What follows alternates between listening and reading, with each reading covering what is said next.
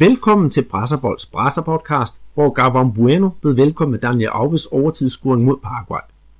Man siger, at 2-0 er den farligste føring. Det oplevede det brasilianske landshold på godt og ondt, da de kanariegule i den forløbende uge var i aktion to gange i den sydamerikanske VM-kvalifikationsgruppe. Det brasilianske OL-landshold forbereder sig til lejene i Rio august måned, og U23-holdet har været i aktion to gange siden vores sidste podcast. Det gav blandt andet en sejr over et hold, som havde en Brøndby-spiller i aktion de første 45 minutter.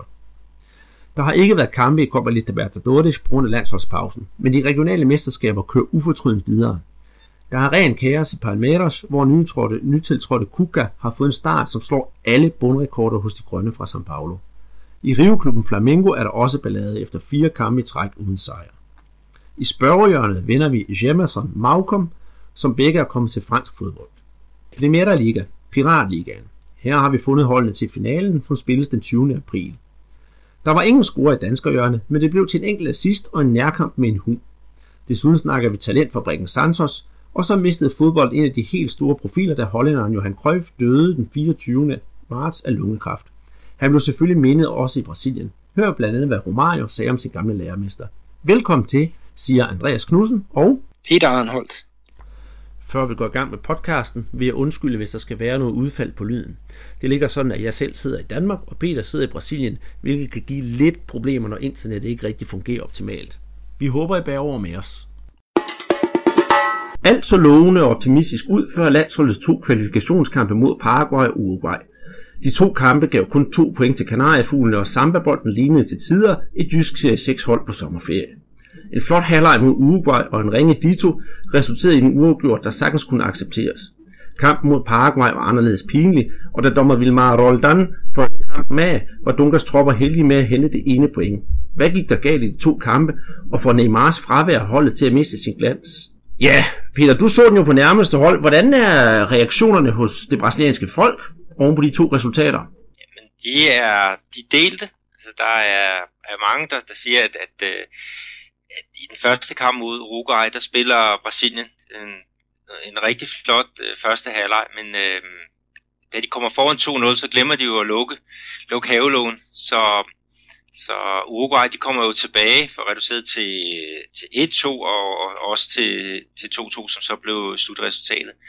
Øhm, og så var det jo med, med omvendt foretegn, da de, de spillede i Paraguay her i, i går, hvor det så var Paraguay, der havde føring på 2-0, men så, så lukkede øh, Brasserne ind i, i kampen til, til aller, aller sidst. Så hvad er det, man siger? Er det ikke noget med 2-0 er den farligste føring? Jo, det, det er jo rigtigt. Det, det må man jo så sige, det var for Paraguay. Oh, anderledes. Jeg, jeg, jeg har siddet med en dårlig smag i munden hele dagen i dag, for jeg synes bare ikke, det var godt nok. Altså, det ene point mod Uruguay og Suarez, ja, det kan jeg acceptere, fordi Uruguay er jo også, altså historisk set et godt hold, men den her i nat, det var, det var ikke godt. Tror du, det er Neymar, der er problemet? Jeg synes, i Uruguay-kampen, det virkede som om Brasilien havde bygget deres hold op, og hele kernen, det var Neymar, og han var sådan den, der skulle køre det hele. Men nu mangler han jo. Ja, så har man et problem. Øh, også fordi, at, at selve stammen på det brasilianske hold, øh, sige, uden Neymar, altså, de har problemer med at, at finde deres, deres egen identitet. De har jo ellers haft mulighed for at, at prøve nogle kampe med, uden Neymar, fordi han har jo været meget karantæneramt her i, i hvert fald de første to runder af, af den her VM-kvalifikation. Så det er jo underligt, at, at Unga han ikke har fået fået arbejdet et, et, et team sammen, som netop kan undvære deres, deres helt klare stjerne. Ja, og nu vi snakker om undvære, hvis der er en, jeg rent faktisk godt synes, at holdet kan undvære generelt, lige efter de her to kampe, er David Luiz. Han var jo ikke med i går, men øh, hans første kamp, han var simpelthen alt, alt for svingende. Og som jeg selv synes, jeg nævnte i en tidligere podcast, han mangler simpelthen styrmand. Hvad, hvad går der galt for ham? Slår det klik? Han er en, en spiller, som har nogle udfald, det har jo helt, øh, været præget af hans, hans hele karriere, ikke? at han, han kan jo det sublime, ikke? men så til gengæld kan han jo også lige noget, der som, ja, som aldrig har spillet på, på højt niveau øh, før. Han er jo ved at koste et øh, mål mod øh, Uruguay, altså hvor han mistimer en, en hætning, og den ryger ned fra fødderne af, af Suarez, som, som banker til den, ikke? men der er alle sådan i det brasilianske mål, han, han klarer en han øh, står med en øh, flot øh, fodparade. Men, men øh, det virker som om, at, at nogle gange på, på landsholdet, han bliver lidt for, for nervøs, han bliver for ivrig, han vil måske lave for mange ting det husker vi blandt andet fra den der famøse 7-1-kamp, altså hvor han skulle være mod Tyskland ved VM, ikke? hvor han skulle være, være styrmand og, og anfører i, i, på holdet, ikke? og det, det, gik jo, det gik jo helt galt. Men, men altså, om forsvaret blev bedre af at undvære øh, David Luiz her i går, det, det vil jeg stille spørgsmålstegn ved, fordi de slipper jo to mål ind igen. Ja, det gør de. Og, og der var gen sådan den her 23-årige målmand fra International, han, han hiver et par rigtig flotte øh, redninger ud af ærmet ikke, ved, ved stillingen øh, 0-0. Øh, så det kunne have gået meget, meget værre. Men øh, ja, altså der skal trænes noget med deres, deres forsvar, altså deres, øh, deres pres på, på boldholderen, det, øh, det virker ikke særlig godt øh, organiseret. Hvis vi kigger på, på det andet mål, som øh, Paraguay de laver her i går, ikke? der er jo tre mand, som, som bliver afdriblet af Hockey, Hockey Junior ude ved, ved, ved sidelinjen. Og, og så er der jo bare en, en åben ind, ind mod midten, ikke? og det, den er denne, som bolden bliver slået inde i, i området ved øh, Daniel Alves, og, og, øh, og Benitez, han, han, han, han støder frem ikke, og putter den i kassen. Men øh, der er problemer med den defensive organisation, ikke, og der, det er jo noget, som, som et eller andet sted hælder tilbage på, på træneren, altså fordi hvorfor har han ikke indstillet den godt nok øh, Tarax? Ja, for han burde jo have, altså det er jo ikke potentialet, der fejler noget på holdet. Og, og hvis man så kigger på, på stillingen her bagefter, så er det også sådan lidt at tænke på, hvordan skal det gå fremover. Brasiliens øh, sejre, de har været mod øh, hold fra den lavere rangerende del af, af tabellen. Og det er jo ikke fordi, jeg har hentet de store point mod Uruguay og Ecuador, Argentina og Chile, som du så ligger op i toppen. Og når vi så Argentina, de vandt jo så også deres kamp. Det var selvfølgelig mod Peru. Men, øh, undskyld, Bolivia. Men de gjorde jo, hvad de skulle, og, og så er det jo op til Brasilien, om de kan følge med Argentina. Tror du, de kan det? Ja, de får i hvert fald en en god mulighed her øh, til de næste øh, to kampe.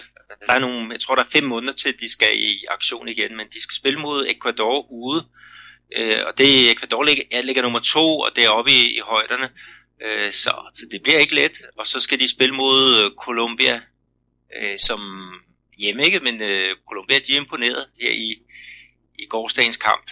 Får de seks point der, så er, så er der ro på igen, ikke? Men, men der er jo der er 10 hold, der spiller i den sydamerikanske øh, VM-kvalifikationspulje, og tre af dem er allerede ude. Øh, og det er jo så Venezuela, og det er Bolivia, og det er Peru, som, som nærmest er sat. Ikke? Og så har du så de syv øh, resterende lande, som skal kæmpe om fire direkte pladser, og, øh, og så en øh, kvalkamp, øh, som tilfalder nummer 5. Ikke? Men det er, det er jo en lang øh, turnering, og, øh, og det bliver spændende om, om, øh, om Brasilien de kan finde det der fodfæste, så de vinder de, de, der, øh, de der snævre kampe. Fordi det, det bliver snævert. Og spille ude af hjemme i Sydamerika, ikke? Det, det, det ved du, det er jo der er kæmpe forskel. Jamen det, øh, det er det. Men vi kan jo altid håbe på, at det er en gentagelse af, hvad der er sket før. Jeg husker VM-kvalen i 92 og 93. Der var Brasilien også virkelig på hælene. Og man snakker om, var det første gang Brasilien overhovedet ikke skulle med til et VM, fordi det gik så frygteligt. Men øh, så var der en lille mand, Romario, der kom ind og satte tingene på plads for Brasilien, og fik det med til det her berømte VM i 94, som er skældsættende, fordi det var fjerde gang, de vandt efter var det 24 års tørke. Så må ikke det nok skal gå. Det plejer det at gøre. Og der er kun, altså i den her turnering, der er fire point, som skiller Brasilien fra førstepladsen, så så to gode runder, ikke? Så, så ser alt jo godt ud. Men, men der er altså kritiske røster hernede, der, der snakker om, at, at øh, det var måske en idé, at, at Dunga han, han gik af, ikke? og så øh, blev der gjort plads til Chichi, som er, er træner for, for Corinthians. Men det er der også stor modstand øh, mod, og det, det er specielt Corinthians-fansene, de vil sgu ikke af med deres øh, mestertræner. Nej, det, det kan, det kan jeg sørge også godt forstå. Men øh, der er lang tid til nu, og vi skal lige i den her sammenhæng sige, der kun er spillet seks kampe indtil videre. Det er ikke så kriminelt, som mange gør det til, heller ikke i Brasilien, men derfor var det stadigvæk i orden med de to dårlige resultater. Vi kan også lige tage med, at, at der var jo noget ballade op til, øh, til de her kampe. Det brasilianske landshold, de, udover at udtage de her 23 spillere, så udtager de også det, som hedder øh, auxiliar øh, puntual, jeg ved ikke, hvordan vil du oversætte det, sådan en slags hjælpetræner? Ja, ja. Auxiliar, det er noget, en medhjælper, eller noget, der hjælper til et eller andet. Og der, der gør de det, at det går på runde, den her, øh, den her position. Og det, det er typisk blandt tidligere verdensmester, at, at de bliver hentet. Ikke? Og, og målet er, at de her stjerner, gamle stjerner, skal komme ind, og så via deres personlighed, øh, være med til at, at, flytte spillerne øh, rent mentalt, fordi det mente man, der var øh, det landsholdet trængte til efter øh, det der kedelige afslutning på, på VM. Og den her gang, der var der altså Lucio, og ham den gamle landsholdskaptajn, som også spillede i, i tysk fodbold. Og det var jo sikkert et meget godt valg. Men øh, det brasilianske landshold, på vej fra kampen i, øh, i Brasilien, og så til kampen i Paraguay, så overnatter de nemlig tre dage nede på et øh, hotel i Porto Alegre. Og hvem tror du, der ejer det der hotel? Jamen, det jo, har vi jo lidt indsat at vide. Det er jo Lucio selv. Det er nemlig rigtigt. Lucio, han er også hotelejer. Og det er ikke så heldigt, at her i et land, hvor at, at der er store skandaler med korruption og, og vendetjenester, at man så udtager sådan en uh, auxiliar punktual til, til netop den her kamp, som også uh, er, er ejer af det hotel, hvor man skal, skal bo. Altså forestil dig, at det danske landshold med øh, Martin Jørgensen, at de øh, øh, hyrede busser øh, hos øh, hans, øh, hans selskab. Det, det, det hænger bare ikke sammen. Altså man skal holde sin sti ren, og, og, øh, og det har man altså ikke gjort den her øh, gang. Ej, men man er jo ikke særlig berømt dernede, eller man ikke er særlig kendt for at tænke sig godt om. Jeg husker også, øh, nu har der jo været sådan en ballade her i Danmark med, at Morten Brun har fået stjålet sin VM-medalje, eller undskyld, EM-medalje. Jeg husker, der var et tidspunkt, hvor det Corinthians, der vandt mesterskab, hvor der står en uh, politiker, og så rager han en medalje i lommen midt under medaljeoverrækkelsen. Jo, det er ovenkøbet ham, som, som var fodboldpræsident i Brasilien i, jeg tror det var fire år, uh, José Maria Marin, ja. som uh, i øjeblikket er i fængsel i USA, hvor han har en retssag gående på grund af, af bestikkelsessagerne i, I, FIFA. FIFA. Ja, han mener vel sikkert, at han er uskyldigt. Ja, men der var så også en anden historie, der, der kom frem her. Øh, kritik af, af landsholdet øh, og deres ledelse. Fordi at, at spillerne, de øh, inden kampen mod Paraguay, så var de faktisk ikke inde på stadion. Altså det, typisk så tager man jo ind på stadion og besigtiger det 24 timer før man skal spille kampen. Men øh, der valgte landsholdet altså at blive i øh, Lucius øh, hotel ejendom. Øh, og øh, det betød altså, at man kom til, øh, til øh, Asunción uden at, at kende græssets beskaffenhed, uden at have været inde og kigge på, hvordan er afstand i forhold til det ene og det andet, tredje og fjerde. Og, og det er jo sådan nogle små ting, der er med til at gøre spillerne øh, mindre nervøse. Så øh, jeg synes igen, det er en, en øh, fejlvurdering af, af landsholdsledelsen, at man ikke øh, lige har, har taget på sådan en besigtigelsestur. Ja, og, og, og det kan også over for publikum virke en smule arrogant. Ja, det kan det. Det kan det i hvert fald. Der er faktisk ikke nogen af de her spillere, som havde spillet på det her stadion, kun et for, fordi de har ikke spillet der i, i rigtig mange år med, med landsholdet. Ja, okay, Så, det vidste jeg ja, faktisk ikke. Helt, helt skævt. Det brasilianske OL-landshold er i gang med forberedelserne til lejene i Rio de Janeiro i august måned, og den vikarierende landstræner Rogério Micali havde sin U23-dreng i aktion to gange i den forgangne uge. Første kamp blev spillet i byen Cariacica, hvor, hvor modstanderen var Nigeria. Her tabte brasilianerne 1-0, men til gengæld vandt i den anden kamp 3-1 over Sydafrika. Den kamp blev så spillet i Maceió i det nordøstlige Brasilien. Hvad har du at sige om de to kampe, Peter? Er det tilfredsstillende, og hvad kan vi forvente os af det kommende OL-hold her til Rio? Jamen, den første kamp, øh, den tager de jo 1-0 til Nigeria, og der skal lige være med, at øh, de to Øh, lande, som de spiller mod, de har også kvalificeret sig til, til OL, så det er jo også lidt i deres forberedelse til, til lejene.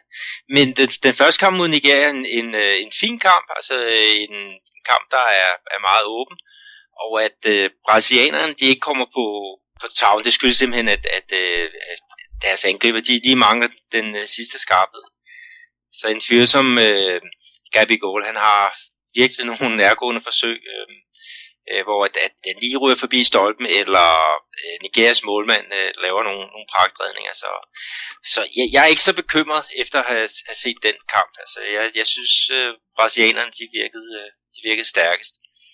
Øh, og den anden kamp, øh, den vinder de øh, 3-1.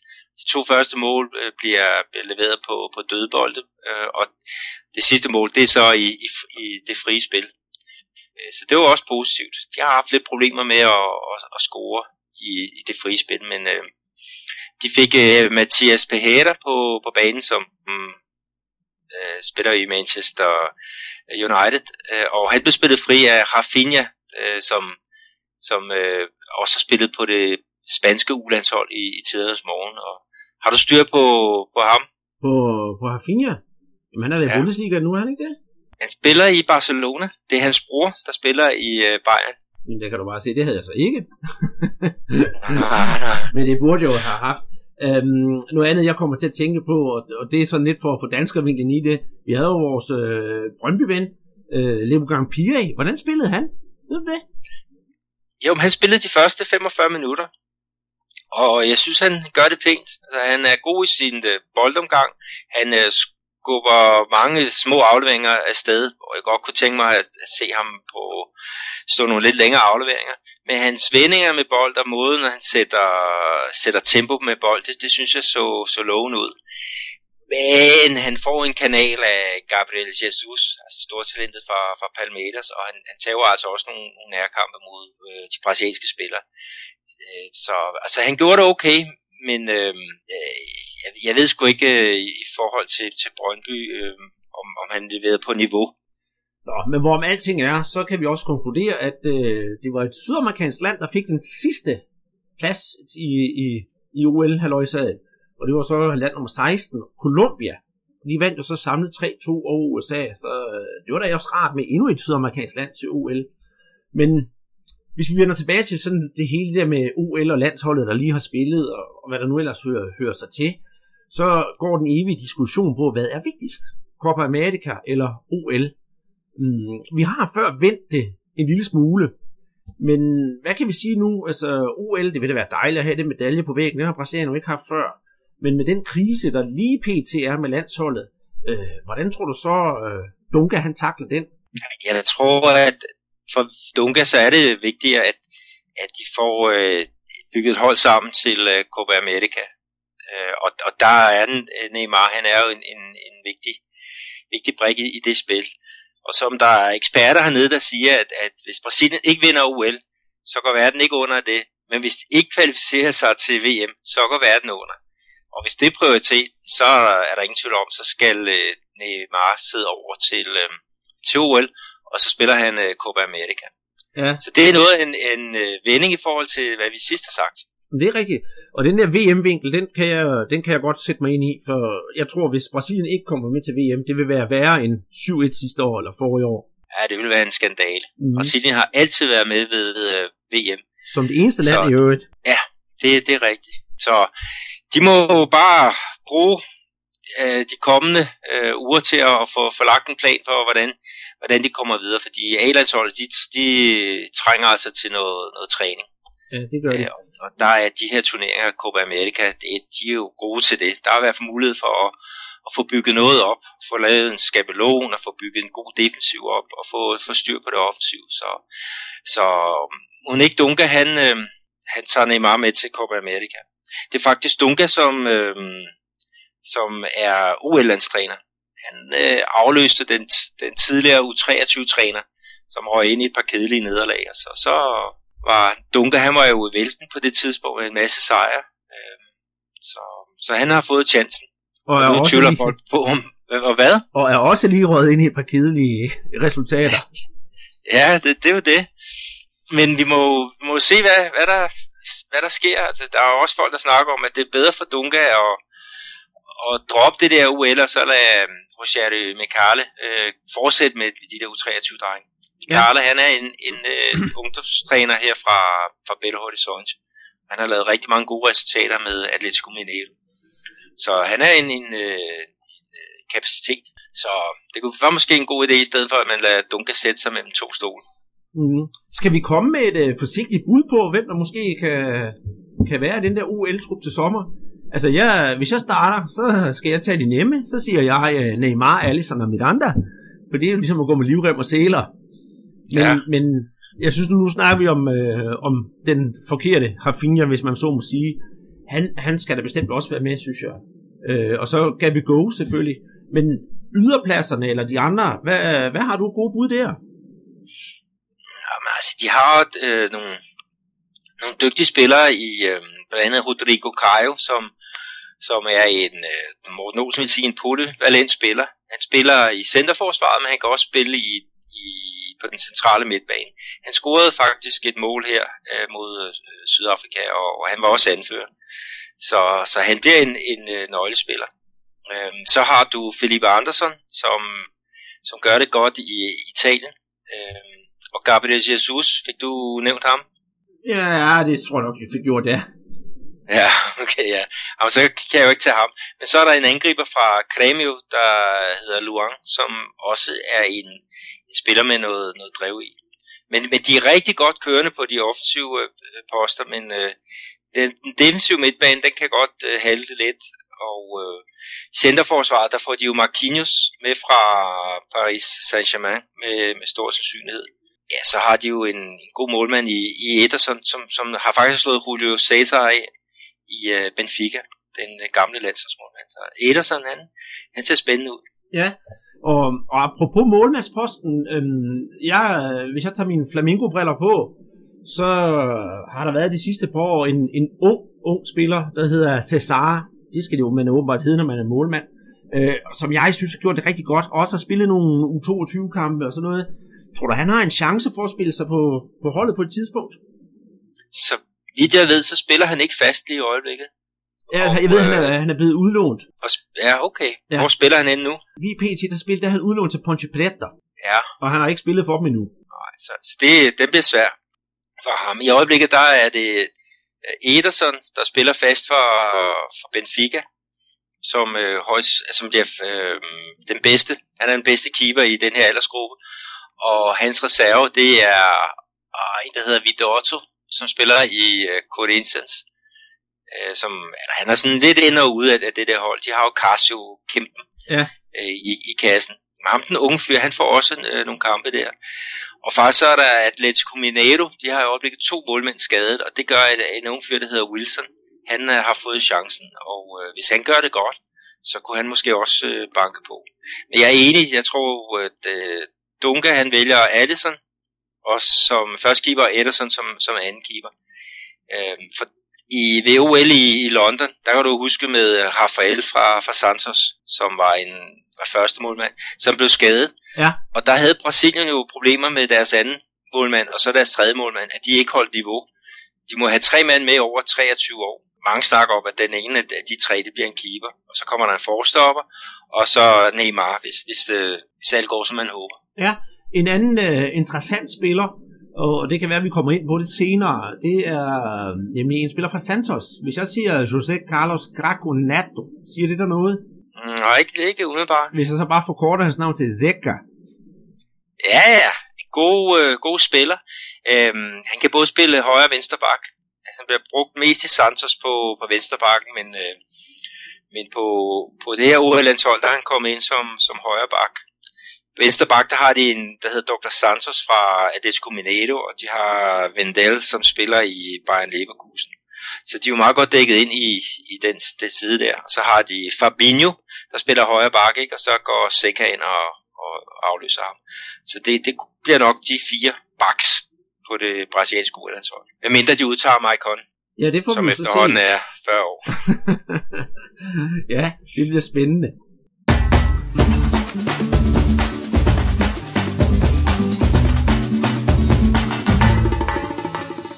Krisen krasser i Palmeiras.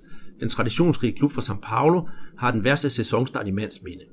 Selvom klubben er en af de mest vindende i Brasilien og har hele otte mesterskaber hjemme, mangler klubben fortidens moral og styrke. Årets værste resultat kom her i weekenden, da de blev kørt over i statsturneringen af Agua Santa, som til daglig ikke er at finde i de fire bedste rækker.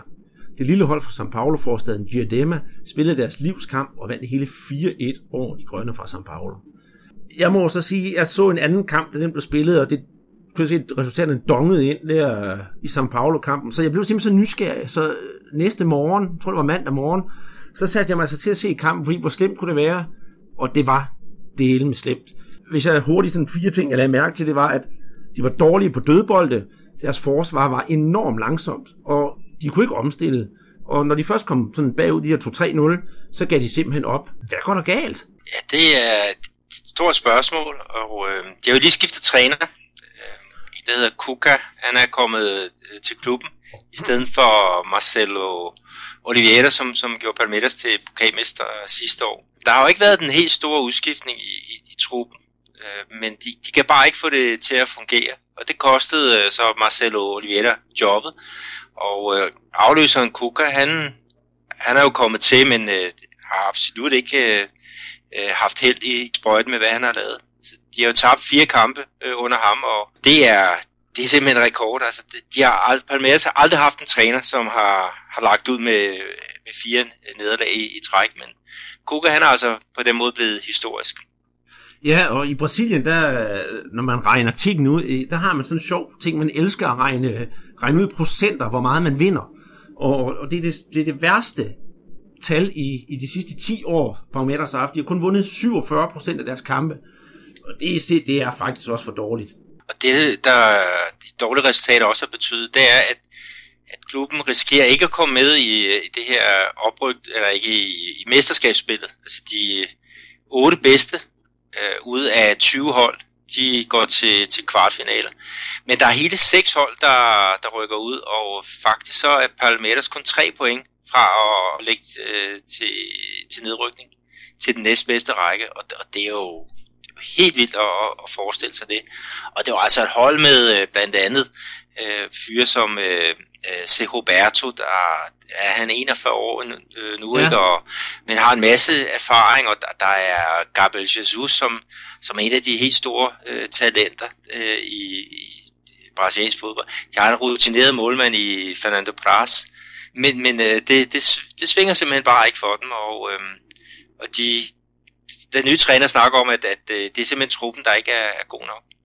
Jamen, det var så gralt i, i, i den her kamp. Det øh, jeg, skal, jeg vil lige sige i den sammenhæng af Agua Santa, som betyder det hellige vand på portugisisk. De må have drukket noget af det, fordi de var faktisk, øh, de spillede over evne, men det var bare ikke godt nok af Palmeiras. Og så ender det endda med, at de scorer selvmål, hvilket gør endnu værre. Et fantastisk flot et af slagsen for øvrigt, men det var helt til hundene. Og det var faktisk så gralt på et tidspunkt, og det ser man så ikke ret meget af på brasiliansk tv, fordi de zoomer jo hurtigt væk og ind på noget andet, at der var en øh, baneløber, og det var ikke noget med, at han skulle løbe ind nøgen eller noget andet. Det var simpelthen i protest over, hvor dårligt øh, Palmeiras spillede. Og på tilskuerrækkerne, der blev der buet konstant. Så de er virkelig i en krise, men det var nu, de burde rejse sig op, og så tage teten op, og så i hvert fald vinde over et hold som Agua Santa, fordi så gode var de jo heller ikke.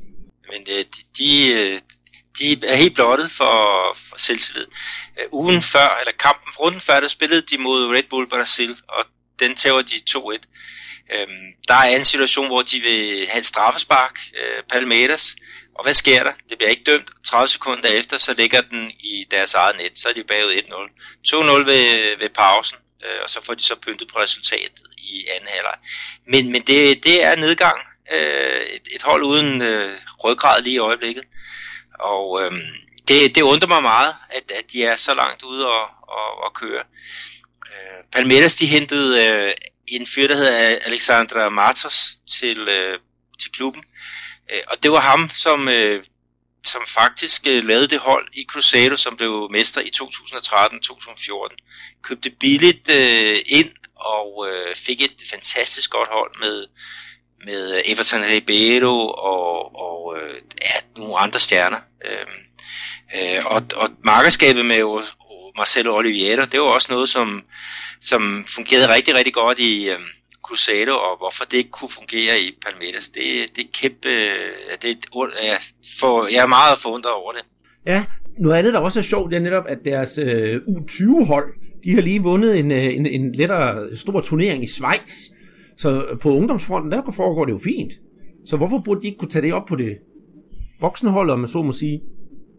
Ja, jeg ved det ikke. De har en A-trup med 40 spillere, og, og det er nok for mange. Altså måske giver det for meget sumuleri, øh, for meget udskiftning, fordi man måske vil gøre spillerne øh, tilfredse. Ja. Det hænger ikke sammen. Og ikke. deres, deres præsident, Noble, han er jo også blevet blevet øh, kritiseret. Jeg har til gengæld hørt i dag, at Palmeiras vil forstærke sig lidt, og de agter at købe Gun fra Fluminense. Tror du, de vil slippe ham? Ja, indtil videre så har Gun ikke spillet så meget, men, men han var en, en af deres helt store spillere, da de blev mester tilbage i 2013 eller 2014. Øh, men øh, der har også været talt om, at Gun han skulle øh, skifte til Flamengo, som så ville sende Wallace øh, en anden stopper den, den anden vej. Så øh, ja, det, det kunne godt være. Ja, det bliver spændende at se. Øhm, jeg ved i hvert fald, at de, de sidste træningspas, Parameters har lavet, det har simpelthen været hermetisk lukket for, for journalister. Det er kun de sidste 5-10 minutter, de har fået lov til at se, så gætterierne er faktisk store. Så nu får vi se, hvad der sker. Ja, det bliver, det bliver spændende at følge Palmeters. Deres øh, fans, de er jo kendt for at være meget voldelige. Så der er ekstra øh, politibeskyttelse uden for, for anlægget i St. Paulo.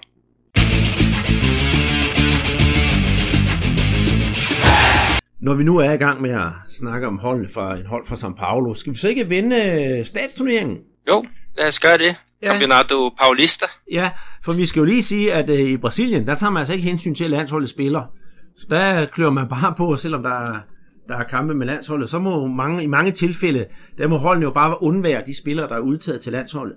Jeg kan tage, øh, skal vi starte med Santos, nu når vi snakker om, om det med at aflevere spillere til, til landsholdet? Det kan vi sagtens. Vi starter med rigtig derby, og det er simpelthen Santos mod São Paulo. Desværre, for at sige det med samme, vores gode ven Ganso, han var ikke med. Men øh, de to hold, de spiller 1-1. Joao bringer Santos foran, og Alan Kardec, han udviner. Men øh, det mest interessante ved den kamp, det er jo faktisk, at Santos, de må undvære hele fem spillere, fordi de er udtaget til landsholdet. To til OL-landsholdet, og det er Zekker og Thiago Maia. Zekker, som vi snakkede om før. Og så har vi på A-landsholdet Lucas Lima, Gabi Go og Ricardo Oliveira. Er det ikke utroligt, at Santos alligevel kan formå at, at spille 1-1, når de mangler så mange spillere? Jo, men de har et rigtig god struktur i Santos med mange øh, unge spillere, øh, som, som har kvalitet. Og der er sådan en kæmpe U20-turnering i São Paulo i januar måned, og der er Santos, de er, er næsten altid med i, i slutkampene. De bøffede godt nok her i, i år, men øh, jeg mener, de har vundet de, ellers de sidste to år. Der har de, øh, der har de vundet turneringen. Det er dem og Corinthians, der gør det bedst på, på ungdomsarbejde. Er så sammen med Palmeiras, som du fortalte lige havde vundet en, ja. en U20-turnering i, i, i Schweiz. Men øh, Corinthians og, og Santos, de har rigtig mange øh, spillere på, på gang.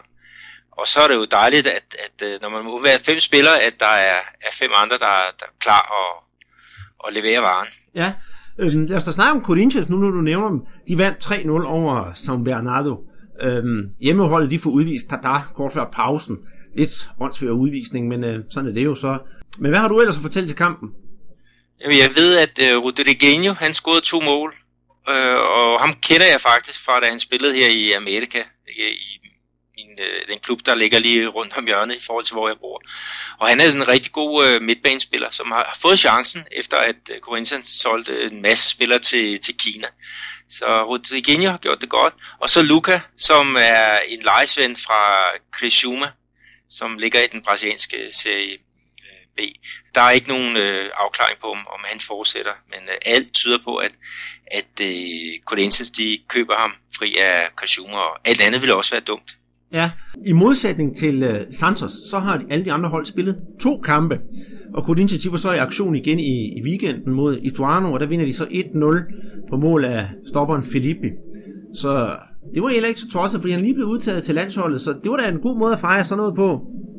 Ja, og han har haft en, øh, en fin karriere. Altså han spillede for seks år siden, spillede han i den fjerde bedste række i øh, staten øh, São Paulo, og så nu her, så er han med omkring øh, landsholdet. Øh, og han er bare 26 år, så det viser også noget af den dybde, der er her i brasiliansk fodbold, at, at man på 6 år kan gå fra noget, der svarer til, til Danmarksserien til, til eliten på nationalt niveau. Det er, det, det, den mulighed er der hernede. Ja, det er lidt ligesom, om vi snakker om Nikolaj Thomsen herhjemme for øjeblikket. Ja, hvad er historien der? Nå, men det er jo sådan set, at han har, han har spillet i et eller andet serie 2 hold et eller andet sted, så vidt jeg husker. Og så fandt de ham tilfældigvis i OB, og så her kort tid efter, nu spiller han jo på landsholdet, så det er jo også sådan nogenlunde det samme, der er sket der. Næste nævneværdige kamp er jo også São Paulo, som også spillede to gange. Øhm, hvordan gik det, Peter? Det var ligesom noget med, at de spillede mod øh, Botafogo, São Paulo fra Ribeirão Preto. Ja, det er rigtigt. Der er mange, der forveksler Botafogo i Rio og sammen med, øh, med, med den her klub i, i São Paulo. Men det her, det er altså en, en, øh, en klub i en helt anden stat.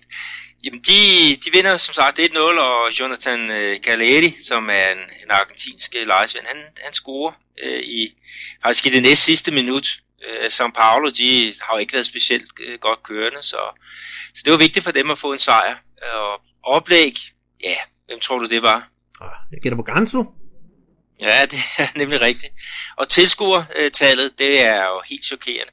Der var under 3.000 tilskuere på øh, Morumbi, ikke? og det er et øh, anlæg med, med kapacitet på, på 60.000 tilskuere, så, så der var været, været tomt.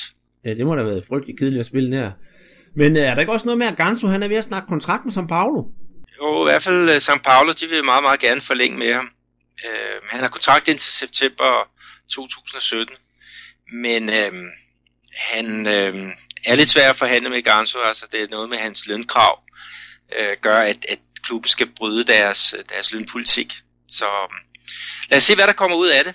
Men ja. øh, det kunne da godt være, at Ganso han godt ville, ville prøve sine vinger et, øh, et andet sted. Altså personligt tror jeg, at han gør det rigtig godt i Italien. Det passer nok godt til ham. Hans spillestil og alt det der, eller måske Frankrig. Ja, jeg tror Italien vil være, er rigtig godt øh, for ham. Øh, men øh, vi også snakket om tidligere, altså han er jo en, type, der skal have nogle, nogle folk omkring sig til at hjælpe med at forsvare, fordi det, det glemmer han mange gange.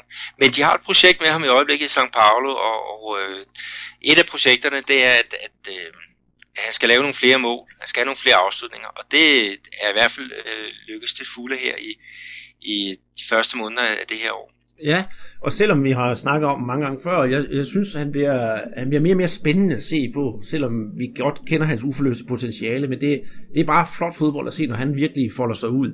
Men det vender vi også tilbage til lidt senere. Men hvis vi nu lige gennemgår grupperne sådan hurtigt, og tager de vigtigste hold, så kan vi jo så sige, at øh, gruppe A, der er Santos som det mest interessante hold, de er næsten sikret sig at, at gå videre på, det er på en anden plads.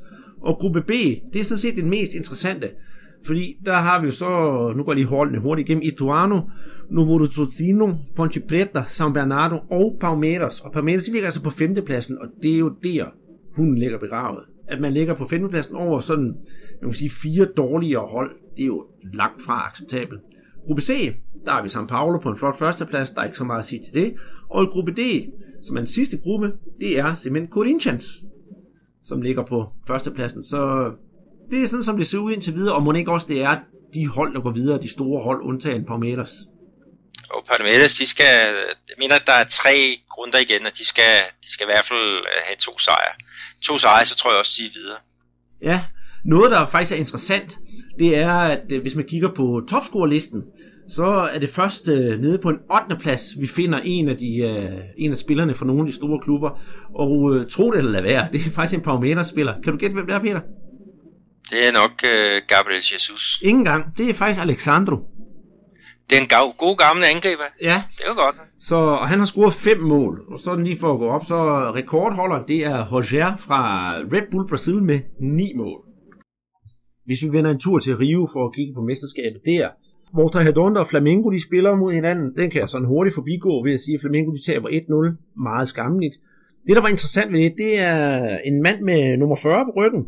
Og ham har du undersøgt lidt om, ikke Peter? Altså nu ved jeg jo så, så godt. Ja. Niltinho.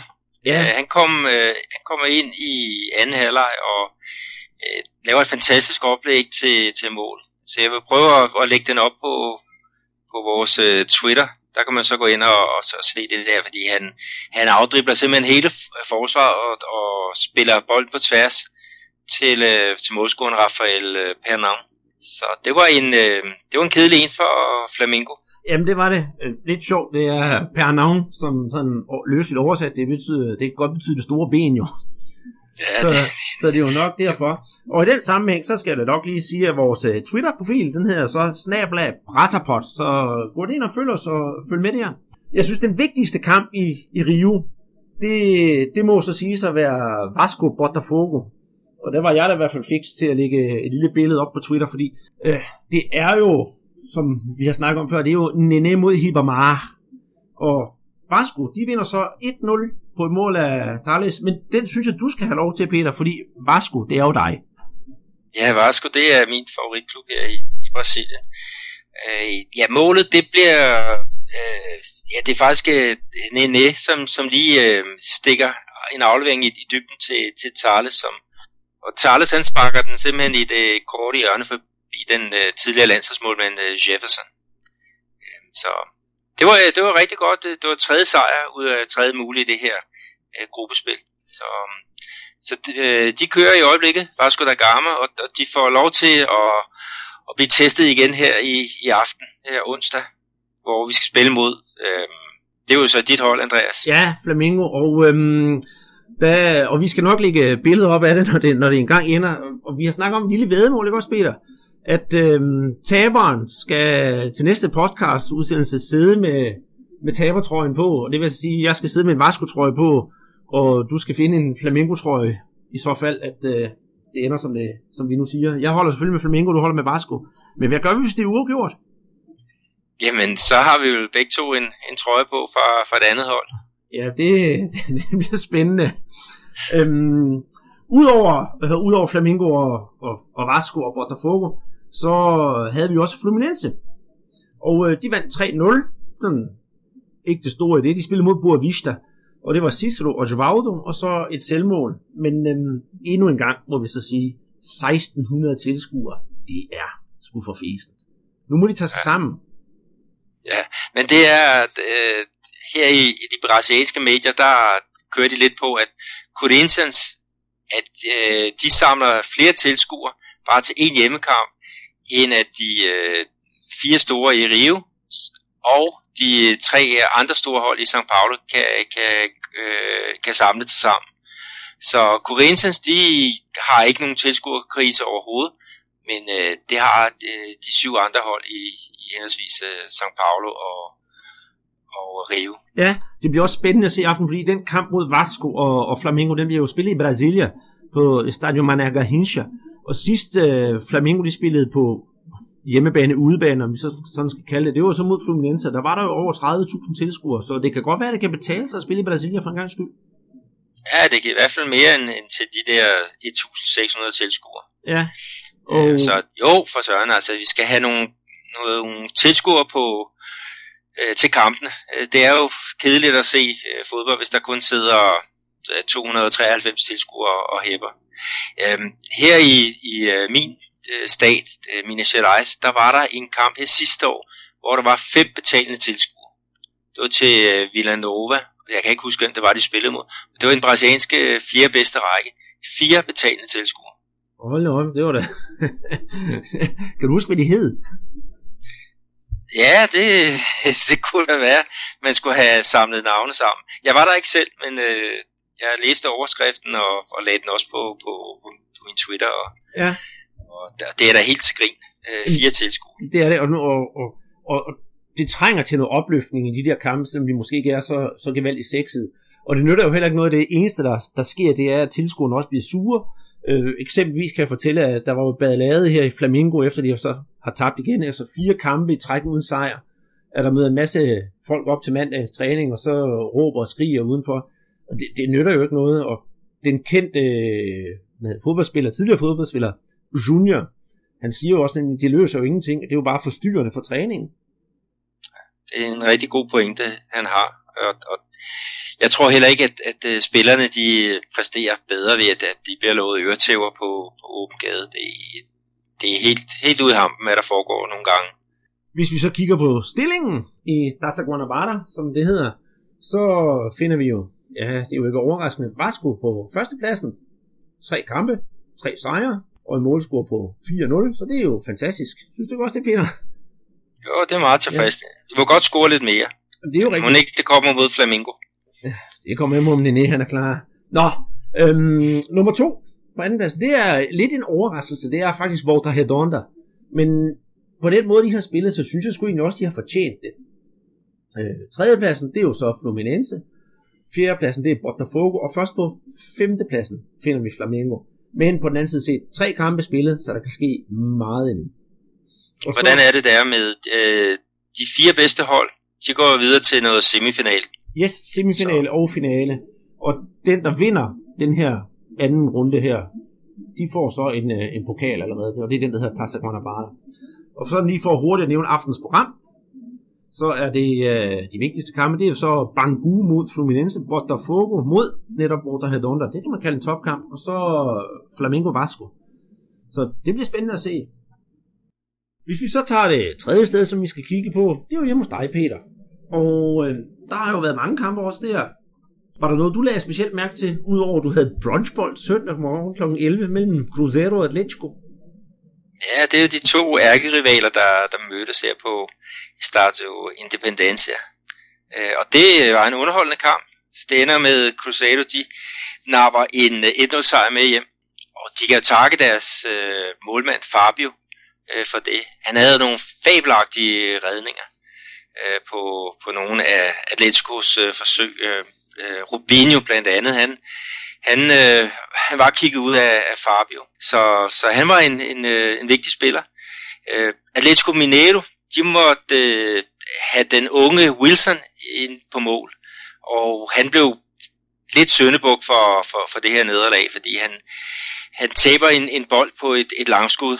Øh, der er en langskudsbold, der, der simpelthen rammer ham i brystet, og, øh, og Rafael Silva han følger hurtigt op ikke, og, og putter den i kassen. Øh, så så det, var, det var en god dag for, for de blå ræve her i byen. Atletico, de øh, var ikke helt tilfredse med, øh, med dommerindsatsen. De følte sig snydt for et straffespark, og så mener de faktisk også, at, at Cruzeiro burde have smidt to mand ud. Men øh, sådan er det jo, det er jo brasiliansk, der skal man jo altid øh, pege lidt af dommerne efter et nederlag. Ja, det er rigtigt. Øh, hvis det, dommeren skal altid have skylden. Og, her har, øh, og det må du udtrykke, må du også have hørt mange gange, at folk de råber, Juiz Ladrón. Ja, tyveknægten. Ja, tyveknægten.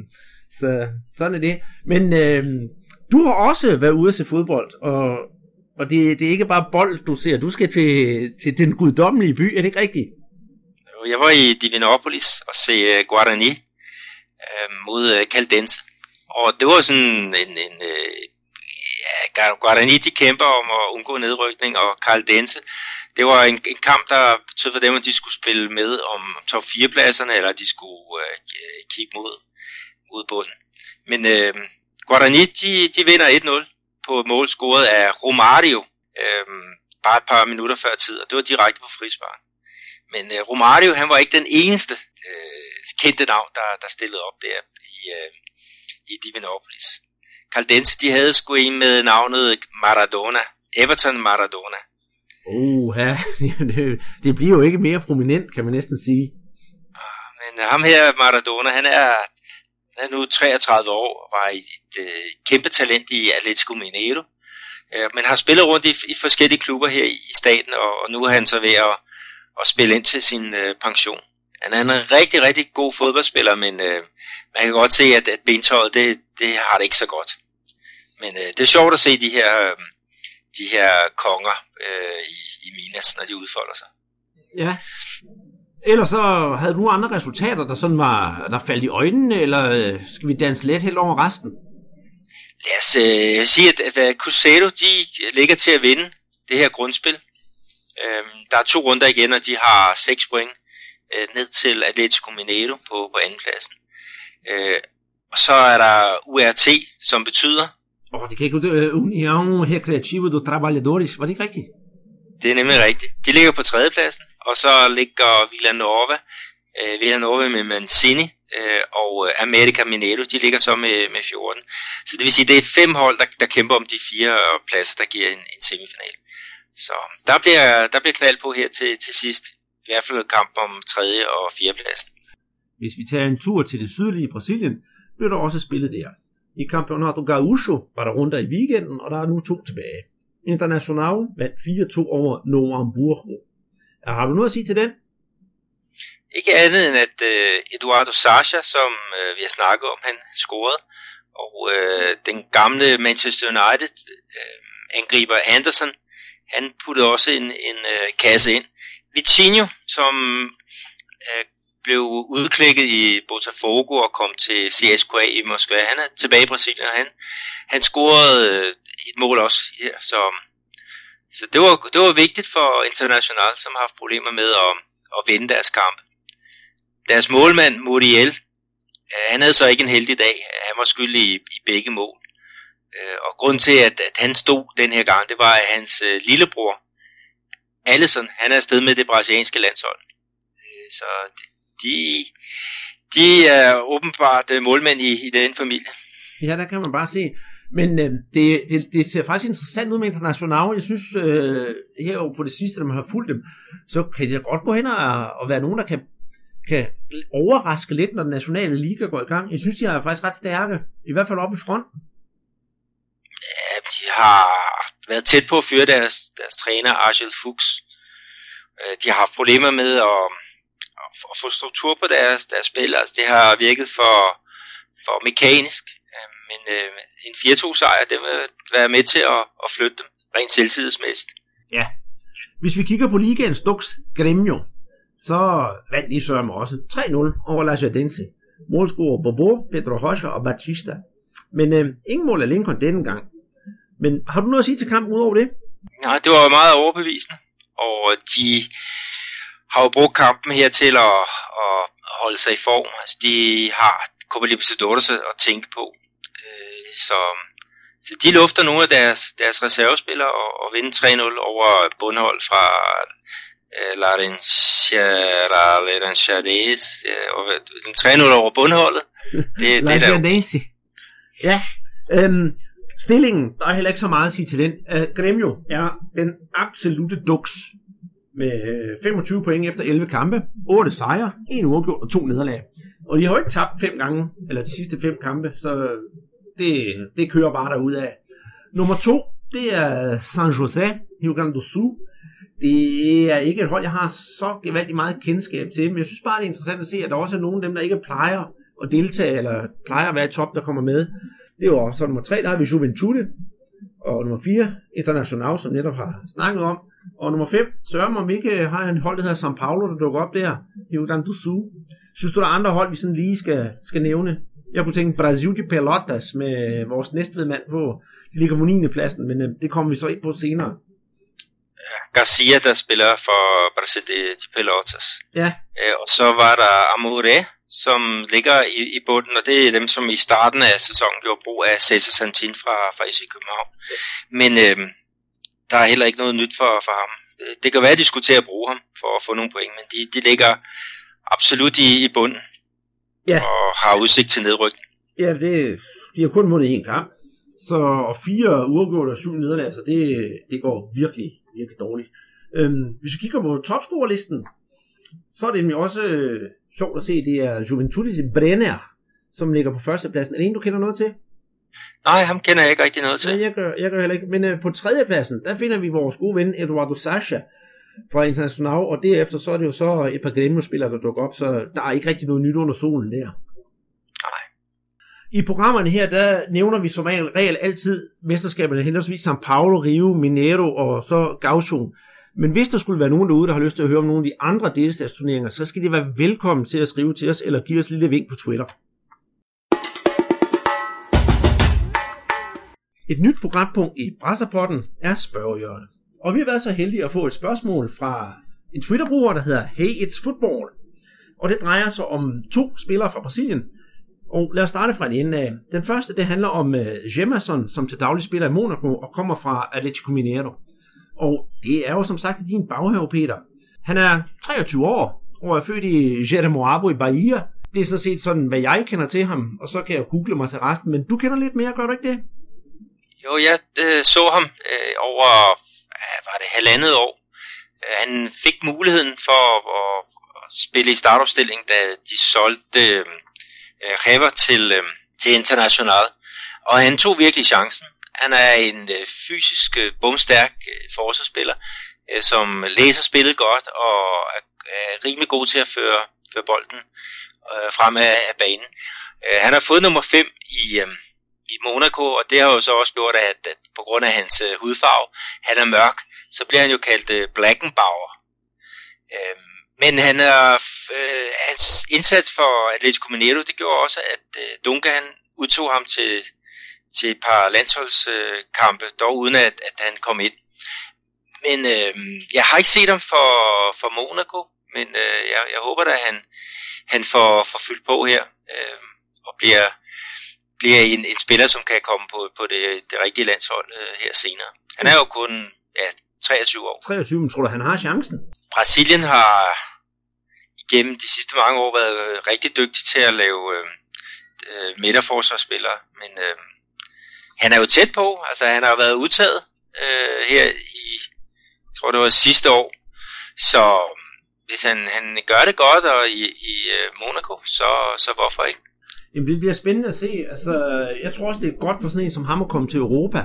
Så kan han vokse lidt, og så den franske liga er da heller ikke det værste sted at komme hen med brasilianer. Ah, det er i hvert fald, øh, man skal bruge en god øh, defysik i, i øh, fransk fodbold. Og øh, det har øh, Jamerson. Næste spiller, vi skal kigge nærmere på, er Malcolm. Også hans fulde navn, som er Malcolm Felipe Silva de Oliveira. Og han er faktisk rigtig interessant. Han er kun 19 år gammel. Han har født i São Paulo den 26. februar, har gjort sin øh, ungdomstid i Corinthians, hvor han har spillet hele 74 kampe, og der kan jeg faktisk godt huske ham.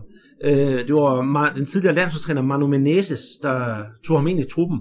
Og han scorede også et par mål for, for Corinthians, så vidt jeg husker. 10 stykker, hvis jeg ikke tager fejl. Han er råd til Bordeaux. Kan du sige noget om ham? Ja, men øh, en angriber, øh, der har et øh, fantastisk venstreben og han har øh, meget, meget god fart. Altså, han er en af de der typer, der kan, øh, der kan buller afsted. Øhm, øh, han spillede typisk på, på enten højre eller, eller venstre øh, kant for, for Corinthians. Han har også øh, nogle kampe på, på brasilianske øh, ulandshold øh, på U20, og også øh, han er inde i billedet her til øh, det øh, brasilianske OL-landshold, som, som skal i gang her i august måned i, i Rio de Janeiro. Øh, og det tror jeg godt nok ikke, han, han kommer med, men, men, øh, men øh, rigtig, rigtig god speed, et fantastisk godt øh, øh venstreben.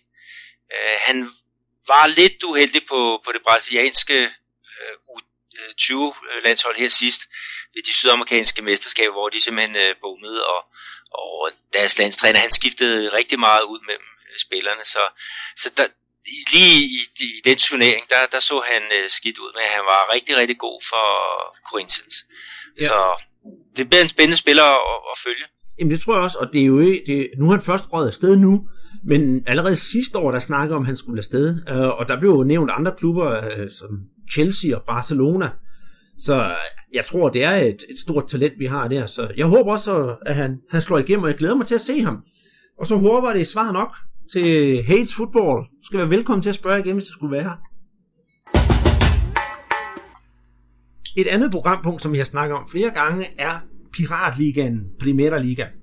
Den er gået ind i sin afgørende fase, og begge semifinaler har fundet sted. Så nu har vi fundet to finalister, og finalen skal stå mellem Fluminense og Atletico Paranaense. Øh, men hvordan kom vi så der til? Jeg ved, at den ene kamp, det var så mellem Flamengo og Atletico Paranaense, hvor Flamengo de taber 1-0. Og selvom det ikke var godt for Flamingo, må jeg trods alt sige, at det var sgu en fortjent sejr til Atletico Paranaense. Hvad har du at sige til kampen? Målet var, var ret flot, så det kan du få lov til at beskrive. Ja, det var Marcus Guillerme, som får fat i bolden lidt uden for strafsforfeltet, og han, det er nærmest et stående spark, men han fyrer et projektil af, som, som går ind i det, det lange hjørne. Øh, flot for scoring af den her Marcus Guillermi, som som øh, har en del kampe på brasilianske øh, unglandshold. Ja, den anden kamp, der er måske sådan lidt mere kød på den. Det var så Fluminense, der spiller 2-2 mod Internacional. Og det var da en bestemt målrig kamp, og det vil så sige, at sådan når det er 2-2, så går det direkte til straffesparkskonkurrence. Og den vandt Fluminense med 3-2. Øhm, så du den? Ja, det så jeg. Sådan lidt med, øh, med venstre øje der, men det var da en, en øh, fin propaganda for, for fodbold. Øh, Fluminense, de havde jo ikke deres øh, normale topangriber med, øh, Fred. Øh, og de har faktisk også mistet øh, en nøglespiller, Diego Sousa, som er personlig årsag at vende tilbage til, til Sport Recife. Men i fravær af de to, så er det Osvaldo, der tog øh, dirigentstokken, og han scorede begge mål. Mens øh, Vitinho, den øh, tidligere CSKA og Botafogo-spiller, han scorede de to for, for International. Øh, men øh, ja, stor, stor underholdning. Øh, jeg, jeg så jo Fluminense øh, tidligere i turneringen, hvor de, de spillede mod Cruzeiro øh, her i, på Mineirão, og, og igen, det var jo en fantastisk underholdende kamp. Jeg tror, den, den ender, eller den 4-2 øh, ja. til, til Fluminense. Ja. Så det er dejligt med sådan en piratturnering, hvor der er, er lidt, øh, lidt øh, gang over, øh, gang i målscoring. Ja, og, og så i straffesparksturneringen, der snuppede Diego Cavalieri jo to straffespark. Det er jo sgu da også okay klaret. Ja, det er, jo, det er jo vigtigt at have nogen, der kan, der kan tage, tage fra sig øh, derinde. Øh, så når det er de der jævnbyrdige kampe, så går man jo mange gange ud i, i straffesparkskonkurrencer. Og Atletico Mineiro, øh, som vandt Copa Libertadores her i 2013, de havde jo en, en Victor, som han reddede øh, klubben igennem øh, to eller tre straffesparkskonkurrencer. Øh, så han har i den grad æren for, at, at de vandt Sydamerikas, øh, Sydamerikas fornemmeste klubturnering. Ja, det eneste dårlige, jeg har at sige til den kamp her, vi lige, vi lige snakker om, det er selvfølgelig det sædvanlige tilskuertallet, og det var altså kun øh, 6.474 mennesker, der havde valgt at, vende, øh, at møde op til den kamp. Og ja, vi kan endnu en gang kun beklage. Men tror du ikke også, der kommer flere til finalen? Jo, altså det, det er Fluminense, der har hjemmebane, og øh, de har jo ikke rigtig noget sted at, at spille i øjeblikket, fordi Maracanã, den er jo fredet til, til UN. Så de skal en tur til Juiz de Fora, som ligger i nabostaten øh, Minas Gerais. Øh, og der spiller de så på Tupis øh, hjemmebane. Tupi det er et hold fra, fra Serie B. Øh, men der, der skal de så spille, og den skal spilles finalen den 20. april. Du vil nok lige tage med, at vinderen får 1 million kroner, ikke? mens taberen må, må nøjes med 240.000. Så det, det er der værd at gå efter. Ja, og hvis vi umiddelbart skal sige en favorit, så synes jeg faktisk, det er, det, på turneringen, der har det virket som om, det er, det er Fluminense, der er ved mest stabile hold hele vejen igennem. Så hvis jeg endelig skulle sætte en chatskilling på et eller andet, ikke fordi jeg gør det, så vil jeg da sætte min på Fluminense. Hvad siger du til det? Åh, oh, den tror jeg også på.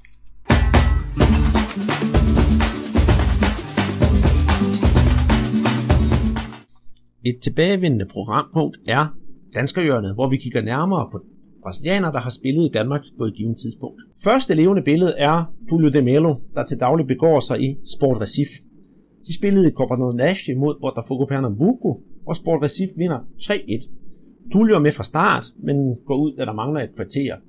Men, men, men. Han, var, han lagde op til det første mål.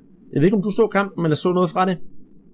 Jeg har set øh, højdepunkterne, og det var faktisk et øh, rigtig fint oplæg, som han øh, står for. Han får bolden faktisk på ja, en umulig position nede ved uh, øh, øh Botafogos øh, mållinje. Og så alligevel så får han øh, drejet bolden skråt tilbage i feltet, hvor at øh, René, øh, sports venstrebakken, kommer drønende og, og putter den ind i det lange hjørne. Så, så Tulio, selvom han ikke scorer, så har han en, en, øh, en vigtig opgave for, for sport som øh, target øh, helt fremme. Det lyder da godt, men det er jo så også ens betydende med, at de så med sejren er nået til kvartfinalerne. Øh, Tulio har yderligere spillet en anden kamp, og det er jo så i statsmesterskabet. Og her gik det knap så godt. Der tabte jo så 1-0. Så du den? Nej, den så jeg ikke. Øh, men Sargero, det er et af de hold, som har overrasket rigtig meget her i, i år. Og øhm, jeg kan sige, at, Tulio han spillede øh, hele kampen, og det gjorde i og for sig ikke så meget, de, de tabte. Sport er allerede øh, klar til semifinalen. Det er de samme med Sagero og, og Nautico mens øh, Santa Cruz og America øh, de kæmper om den, den sidste øh, semifinalplads. Ja, ja, hvis man ser bort fra Salguero, så, så er det jo det store klassiske hold, der er tilbage, så der er jo ikke rigtig noget synderligt nyt over det. Øhm, næste levende billede, det er jo en af vores venner fra FC Nordsjælland, Ricardo Bueno. De tabte øh, 2-1 til bundproppen Capivariano, men du så den jo. Jeg så den øh, her på, på fjernsynet, og vores ven Ricardo, han, han gjorde det fint, og brød også med et, et saksespark øh, undervejs. Øh, men øh, han var faktisk ved at blive bidt af en hund i kampen. Der var en øh, sådan et øh, verdens bedste ven, der, der trillede ind på, på banen, og, og der prøvede Ricardo at få fat i, i hunden, og den snappede i hvert fald ud efter. Jeg kan spørge, hvem tager en hund med til fodbold?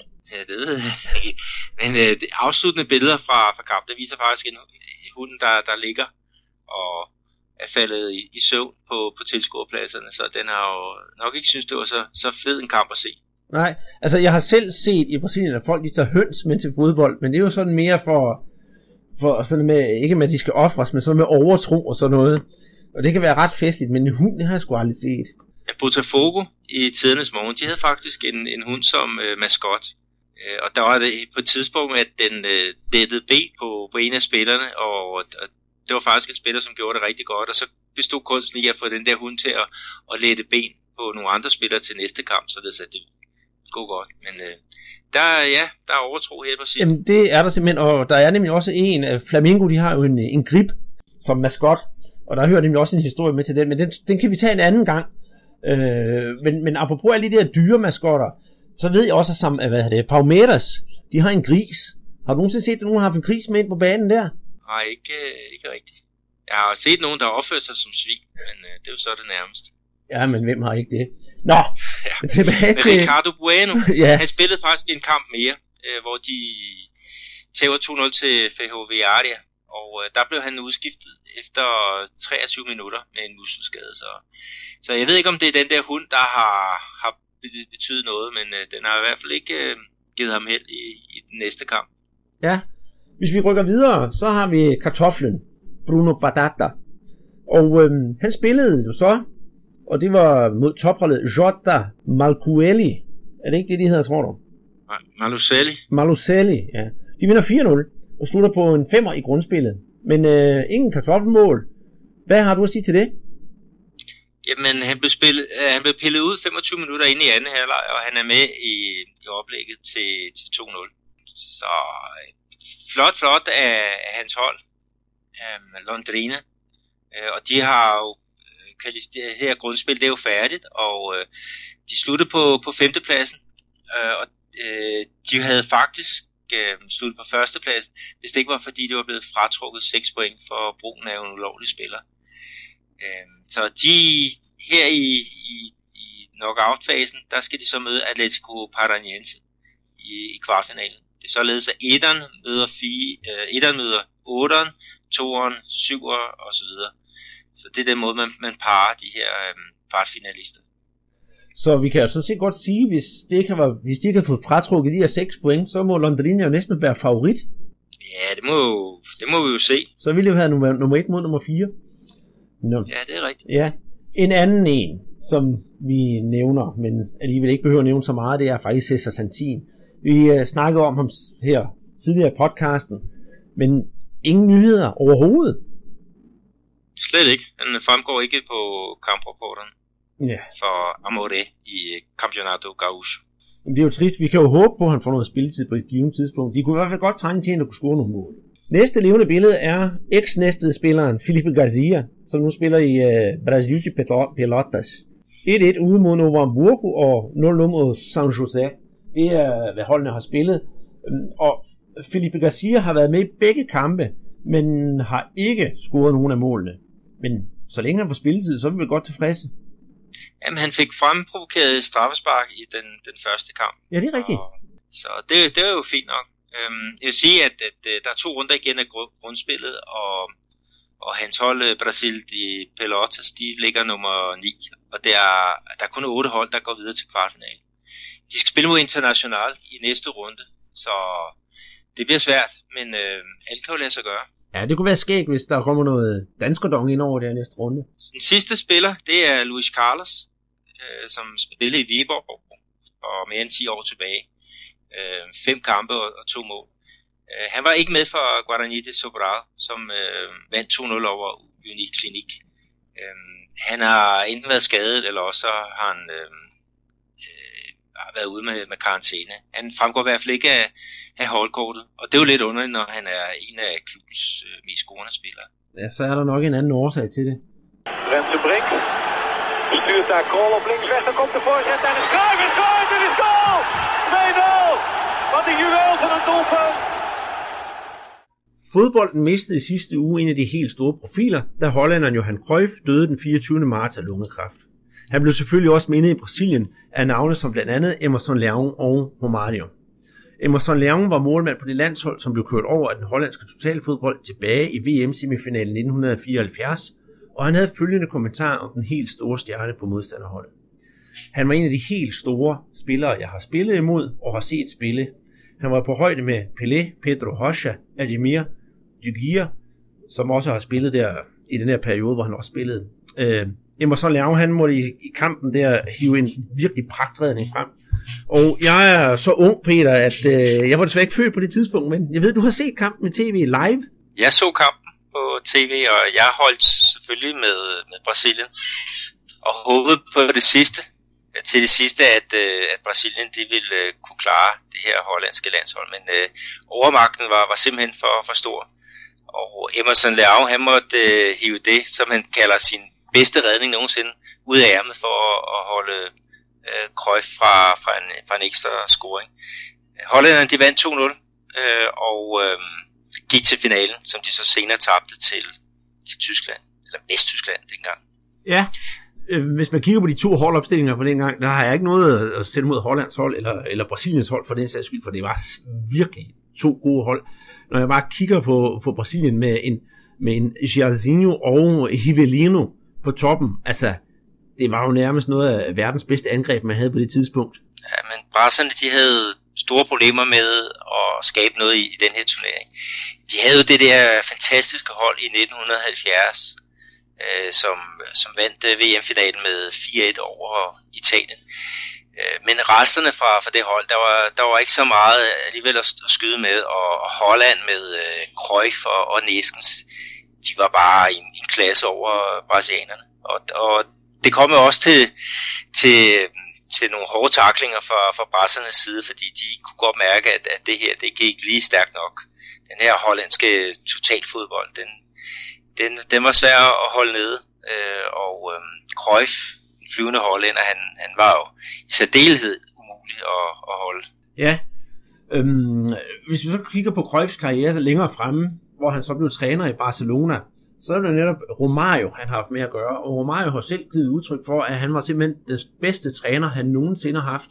Og kom med en længere redegørelse på sin øh, Facebook-side, da Cruyff han gik bort. Jeg kan fortælle, at det er sådan lidt som en lidt sjov historie, som Romario og Cruyff har haft med hinanden, hvor Cruyff udtaler, at Romario på et tidspunkt, han ville gerne have to dages ekstra ferie, fordi han skulle hjem til, til karneval i Rio. Og øh, til dem, der kender lidt til Romario, så var han jo rigtig glad for at feste og farver dengang. Og Cruyff tog det sådan set meget roligt. Han sagde, jamen hvad kan jeg vende? Hvis du i morgen scorer to mål i den kommende kamp, vi skal spille, så kan du få to ekstra fridage. Og øh, Romario han holdt, hvad han lovede, scorede to mål, og så fik han to fridage. Det synes jeg faktisk er en lidt sjov historie. Ja, men det, det viser jo også en, Øh, en, stor træner, som, som ved, at, at når han har en ener som, som Romario, så, så må man godt sætte øh, noget, noget pres på ham, men der skal også være noget, noget gulerod. Ja, og, og to, øh, to ekstra karnevalsdage i Rio, det er den største gulerod, man kan, kan give Romario. Øh, så, så rigtig trist med, med Cruyff, kun, kun 68 år, men en fantastisk spiller og en, en fantastisk træner. Og ja, så Romario, han har jo selv udtrykt, at øh, Cruyff var den bedste træner, han nogensinde har haft. Og øh, det er vel den bedste afskedssalut, man kan få. Ja, og, og, og som han slutter med på sit, sit Facebook, så skriver han så Hoje o futebol perde um dos seus maiores icones. Eu perco um amigo. Descanse em paz, mestre Cruyff. Og øh, altså kort sagt, det er øh, i dag mistet fodbold en af sine større, største ikoner, og en af mine bedste venner, og hvil i fred, så det synes jeg virkelig er stor respekt for Romario. Det var alt, hvad vi havde valgt at bringe i denne uges udgave af Brasserbolds Brasserpodcast. Vi håber, I nød det, og siger mange tak. Hvis nogen skulle have spørgsmål, ris eller ros eller andet, skal I være velkommen til at kontakte os på Twitter, eller skrive en mail. Herfra siger vi tak. Med venlig hilsen, Andreas Knudsen og Peter Arnholdt.